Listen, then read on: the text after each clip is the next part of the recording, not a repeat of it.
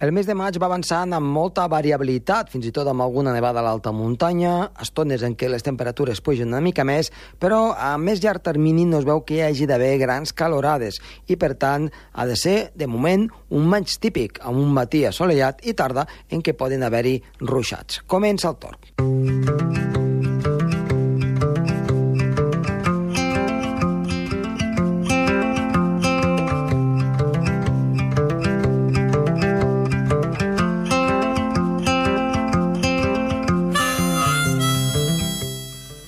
Bé, avui el que anem a parlar és també d'aquest eh, principi de maig que ha fet una mica més de fred del que és habitual, ho comentarem amb Gerard Tauler, i després eh, tindrem, diguem-ne, una entrevista una miqueta més llarga amb Sergi Càrceles, al qual, a part de portar-nos el polen de cada setmana, quina és la situació aquí al país, també ens parlarà de les corrents marines i la influència que té sobre el clima arreu del món. A més a més, tot això amanit amb la previsió meteorològica. Som-hi!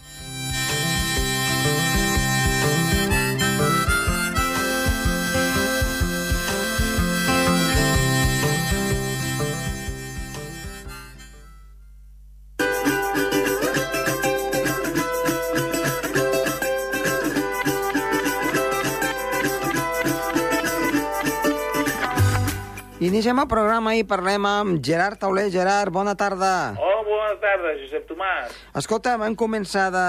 aquest mes de maig, podríem dir, o pràcticament des d'aquest cap de setmana, i dilluns i diumenge, de nhi el vent i el fred que va fer. Sí, a, sí. A tota la zona del Pirineu i de retruc a moltes zones de, del sud d'Europa. L'interior del prelitoral va arribar a glaçar en llocs que, que molt poques vegades glaça. Mm -hmm. Llavors, la pregunta, eh? La pregunta, i disculpa per aquesta pregunta, perquè això uh, molta gent a vegades eh, ens ho diuen. Aquest fred no és normal. Llavors jo el que et vull demanar... Ha estat moltes vegades aquest fred. Sí. Va, moltes vegades, a diverses vegades. Llavors el que et vull demanar eh, tu que tens molts registres de moltes dades, de la zona de Girona, Sí, del Pirineu Oriental en general, no? És una mica eh, situacions que un mes de maig donguin, donguin fred. Si són habituals o no són habituals, o és una cosa extraordinària? Doncs sí, cada, cada 3, 4 o 5 anys eh, tenim entrades d'aire fred importants al mes de maig. Eh? Mm -hmm. eh, tant a Catalunya com al Pirineu, sí, sí, el Pirineu Oriental, sí, sí. Per exemple, l'any 91, eh, l'Observatori del carrer Sèquia, sense Gàbia, es va tenir 0. Avui ja s'ha tingut amb Gàbia 4 amb 7. Mhm. Però als afores de Girona, que, que no hi havia dades a- en, en Gàbia, hi havia dades en Gàbia però eren al centre. Mhm. La mínima absoluta era de 1 i avui s'ha arribat a 0 a, a les hortes de Sant Eugeni. Les dades de, de sal menys 1 amb 2, el dill- dilluns parlo, eh? Sí, sí. Per tant, amb, amb diguem-ne, temperatura que ha estat per sota del que és habitual. El, el, el, el 1 de maig del 45, després d'un abril rècord, va nevar a, a, a Olot. Mhm.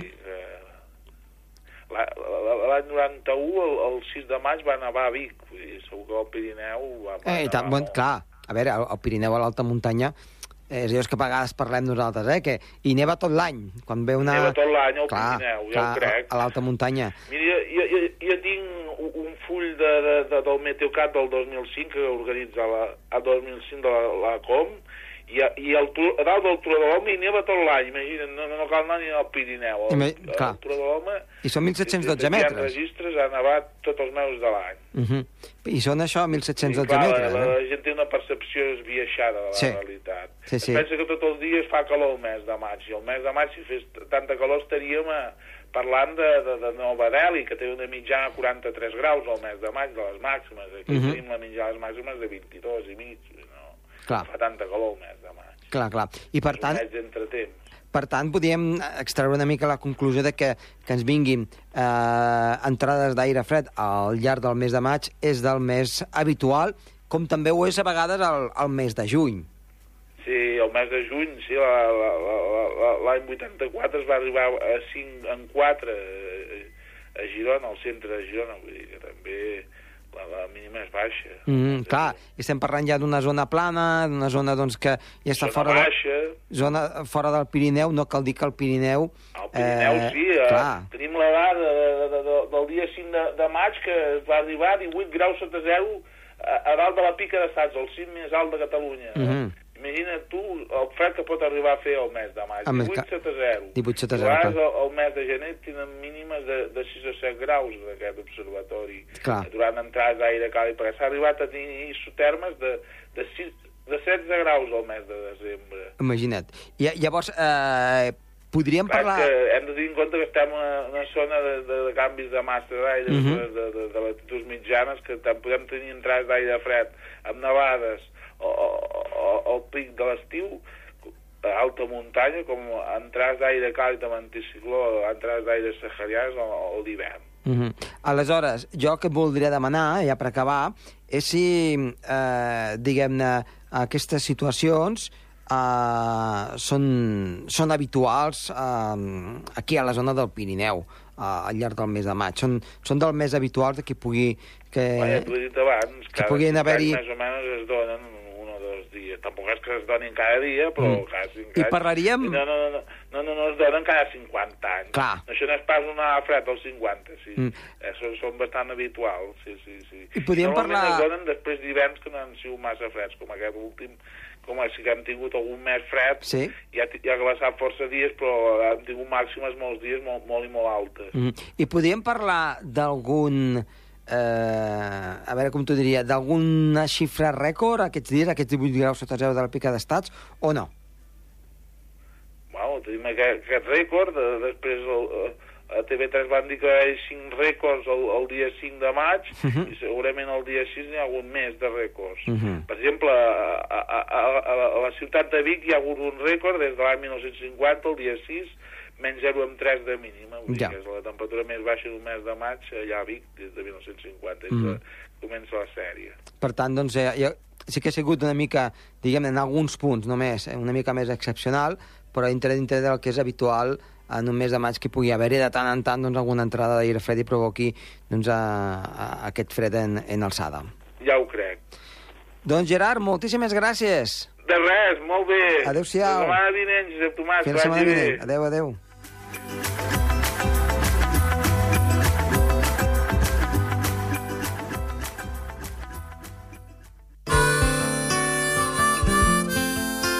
El Torb, amb Josep Tomàs.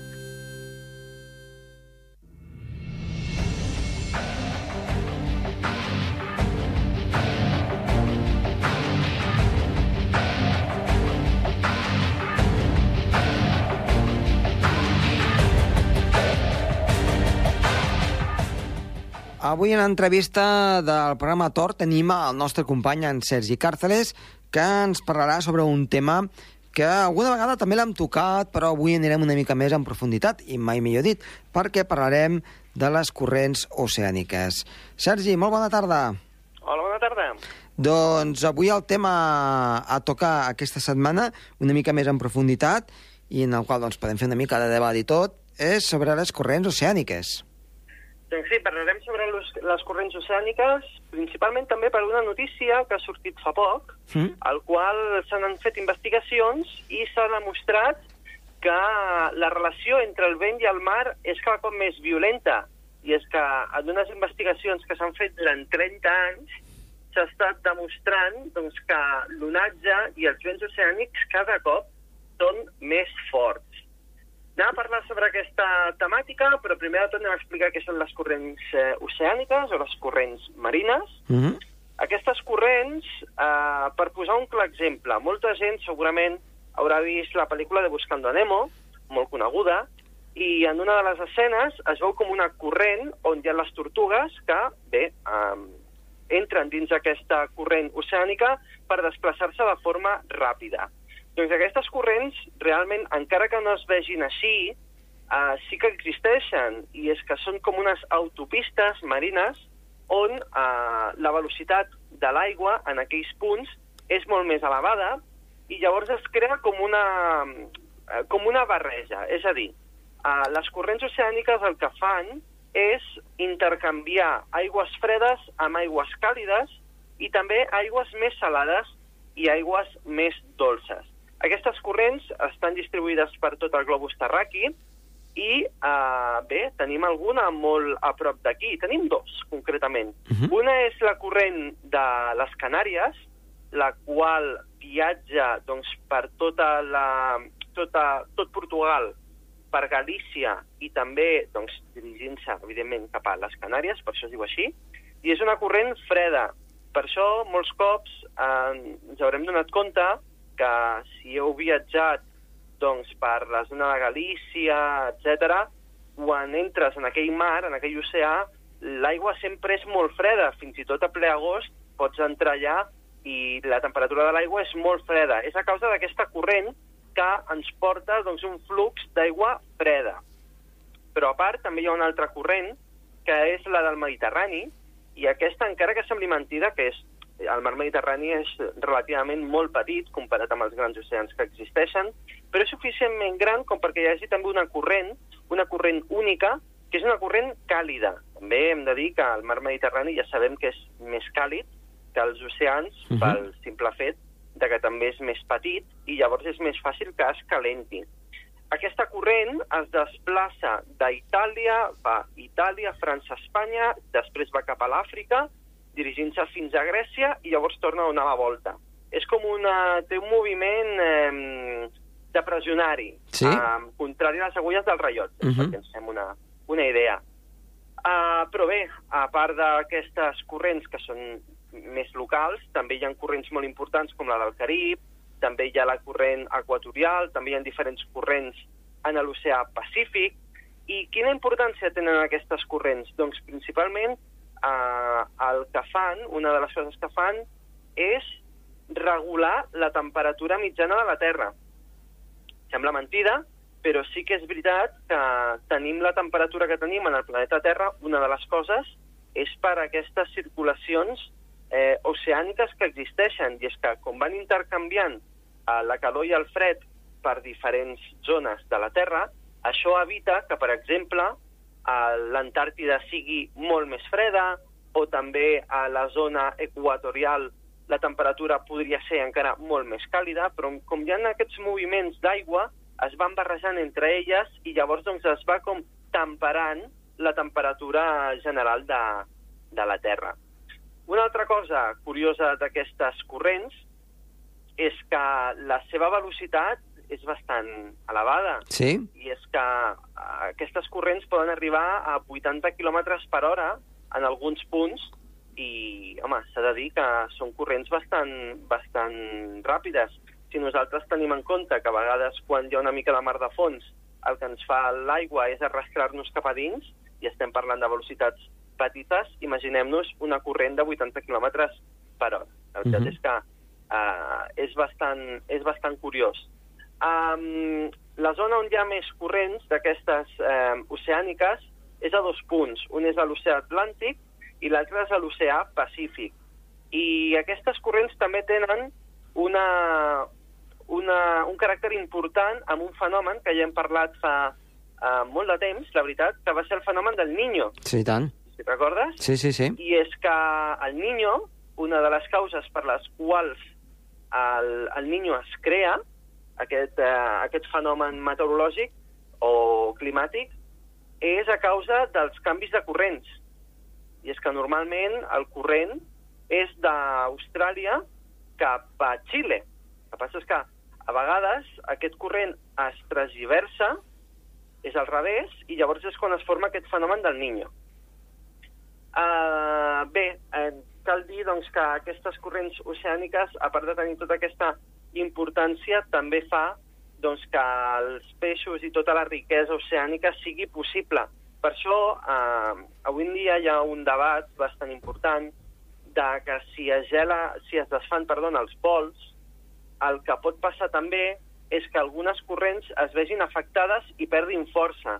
Llavors hi ha algunes teories que diuen que si, aquests, si tots els pols es, es descongelen, aquestes corrents perdran força i no, no distribuiran tan bé la calor, sinó que faran que els, les temperatures siguin més extremes, és a dir, els, els pols seran més freds i, els, i la zona equatorial serà més càlida. Tot això, evidentment, són hipòtesis, perquè això mai ha passat, almenys mentre ho hem estat investigant, i llavors doncs, és una nova, una nova etapa que s'ha de veure aviam com interactua. Evidentment no és el primer cop que passaria. El planeta Terra té molts anys i, i nosaltres hem patit també miniglaciacions, uh Mhm. -huh. també hem patit èpoques periglacials, que era bastant més càlida, així que, bé, és, no, no cal de moment tampoc alertar la, alertar la gent.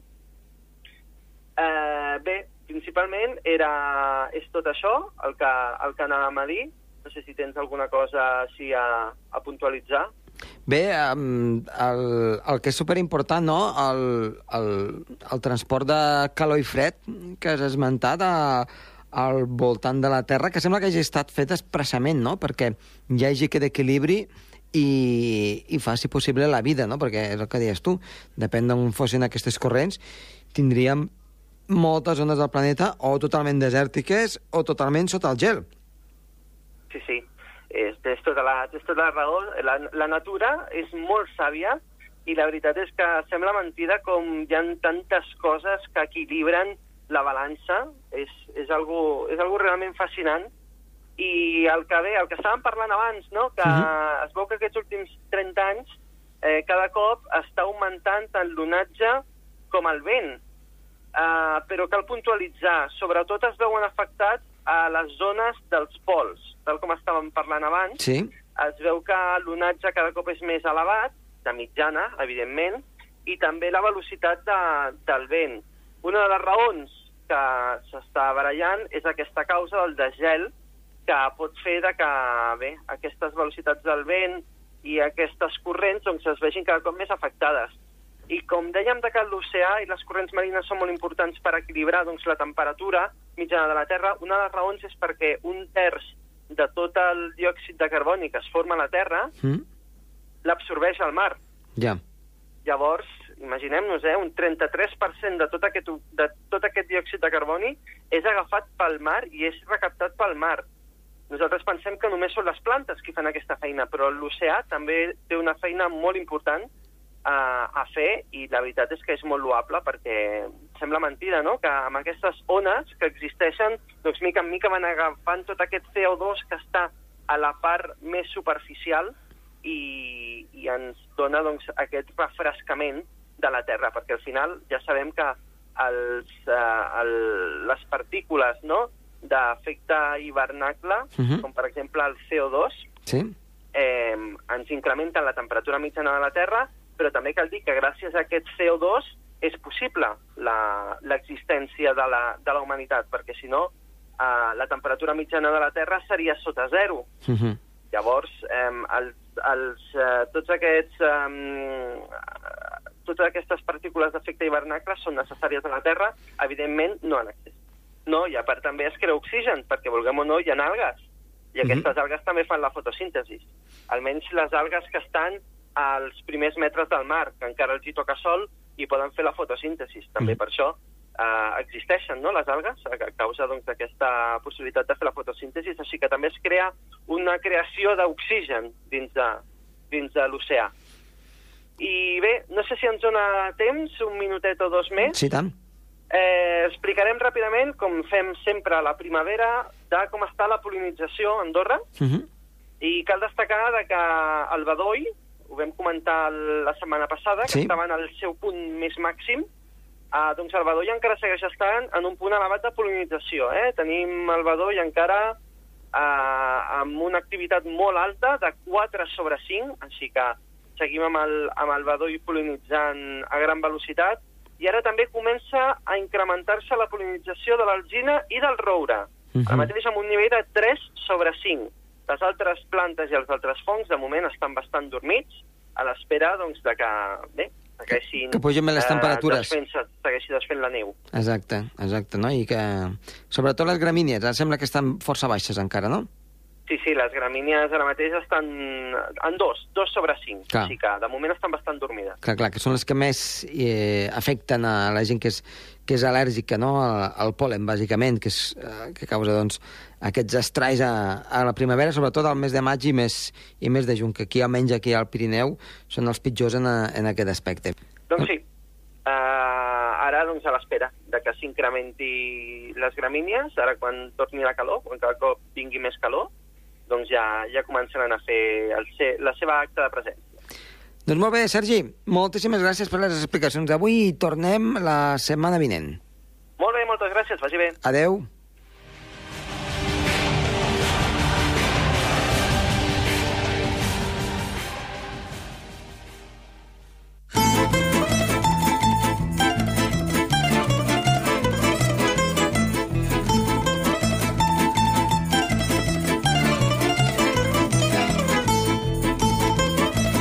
Bé, anem a veure què passarà aquest cap de setmana en quant a la previsió meteorològica. A poc a poc les temperatures han d'anar remuntant. Ja s'està començant a notar una mica més la primavera a l'alta muntanya, tot i que pensem que aquest inici de mes de maig ha estat força fred, com ja hem comentat. Eh, Malgrat tot, eh, sí que esperem que dissabte pugui haver-hi algun calte ruixadet de tarda, molt poca cosa, i nuvolositat més aviat variable. Al matí, amb moltes més estones de sol.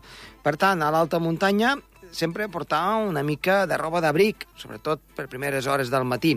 I diumenge la situació molt més tranquil·la. El sol ha de ser el protagonista, no esperem que hi hagi precipitacions i, per tant, sembla que s'instal·larà un anticicló per uns dies. No massa, però sí que, almenys dos o tres dies, sí que hi haurà per poder haver-hi una situació meteorològica força tranquil·la i, com diem, amb temperatures eh, tan mínimes com màximes diumenge que a poc a poc han d'anar a l'alça.